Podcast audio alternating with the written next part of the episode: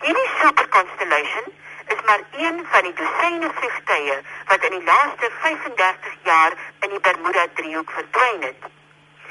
'n Baie interessante besonderheid is dat die landingswiele en flappe uit is, soos in die geval van 'n landing. Dit, tesame met die feit dat die vliegtuig nie laat weet het dat dit in moeilikheid verkeer het nie, het die vraag laat ontstaan of die vlieënier dalk die slagoffer van 'n lugspeling was.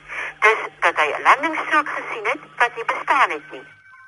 Die raaiselagtigheid oor die driehoek het begin toe Christopher Columbus op 8 Oktober 1492 na sy kompas gekyk en opgemerk het dat dit vreemde lesings gegee het.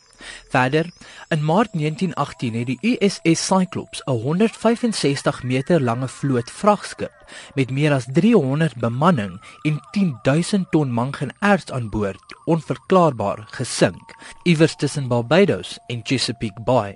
Maar is dit voldoende getuienis dat daar onnatuurlike verskynsels was of steeds is? Die een ding is dit is 'n area waar die een seestroom is een van die sterkste ter wêreld, dis die Gulf seestroom wat noordwaarts gaan langs die VSA se kus.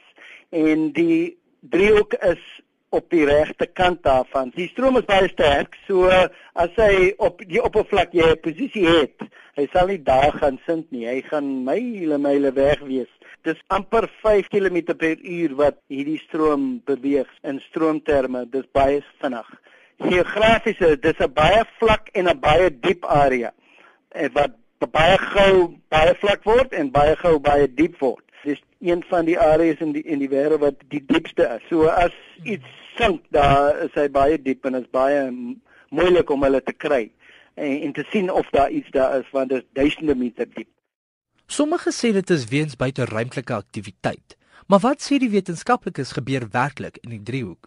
Navorsing toon dat die aarde se magnetiese velde voortdurend in beweging is, maar die Bermuda driehoek relatief ongestoord bly. So wat anders kan die verdwynings verduidelik? Dis die een area ter wêreld waar of een of twee areas waar 'n kompas op waarde noord bewys, nie magnetiese noord nie.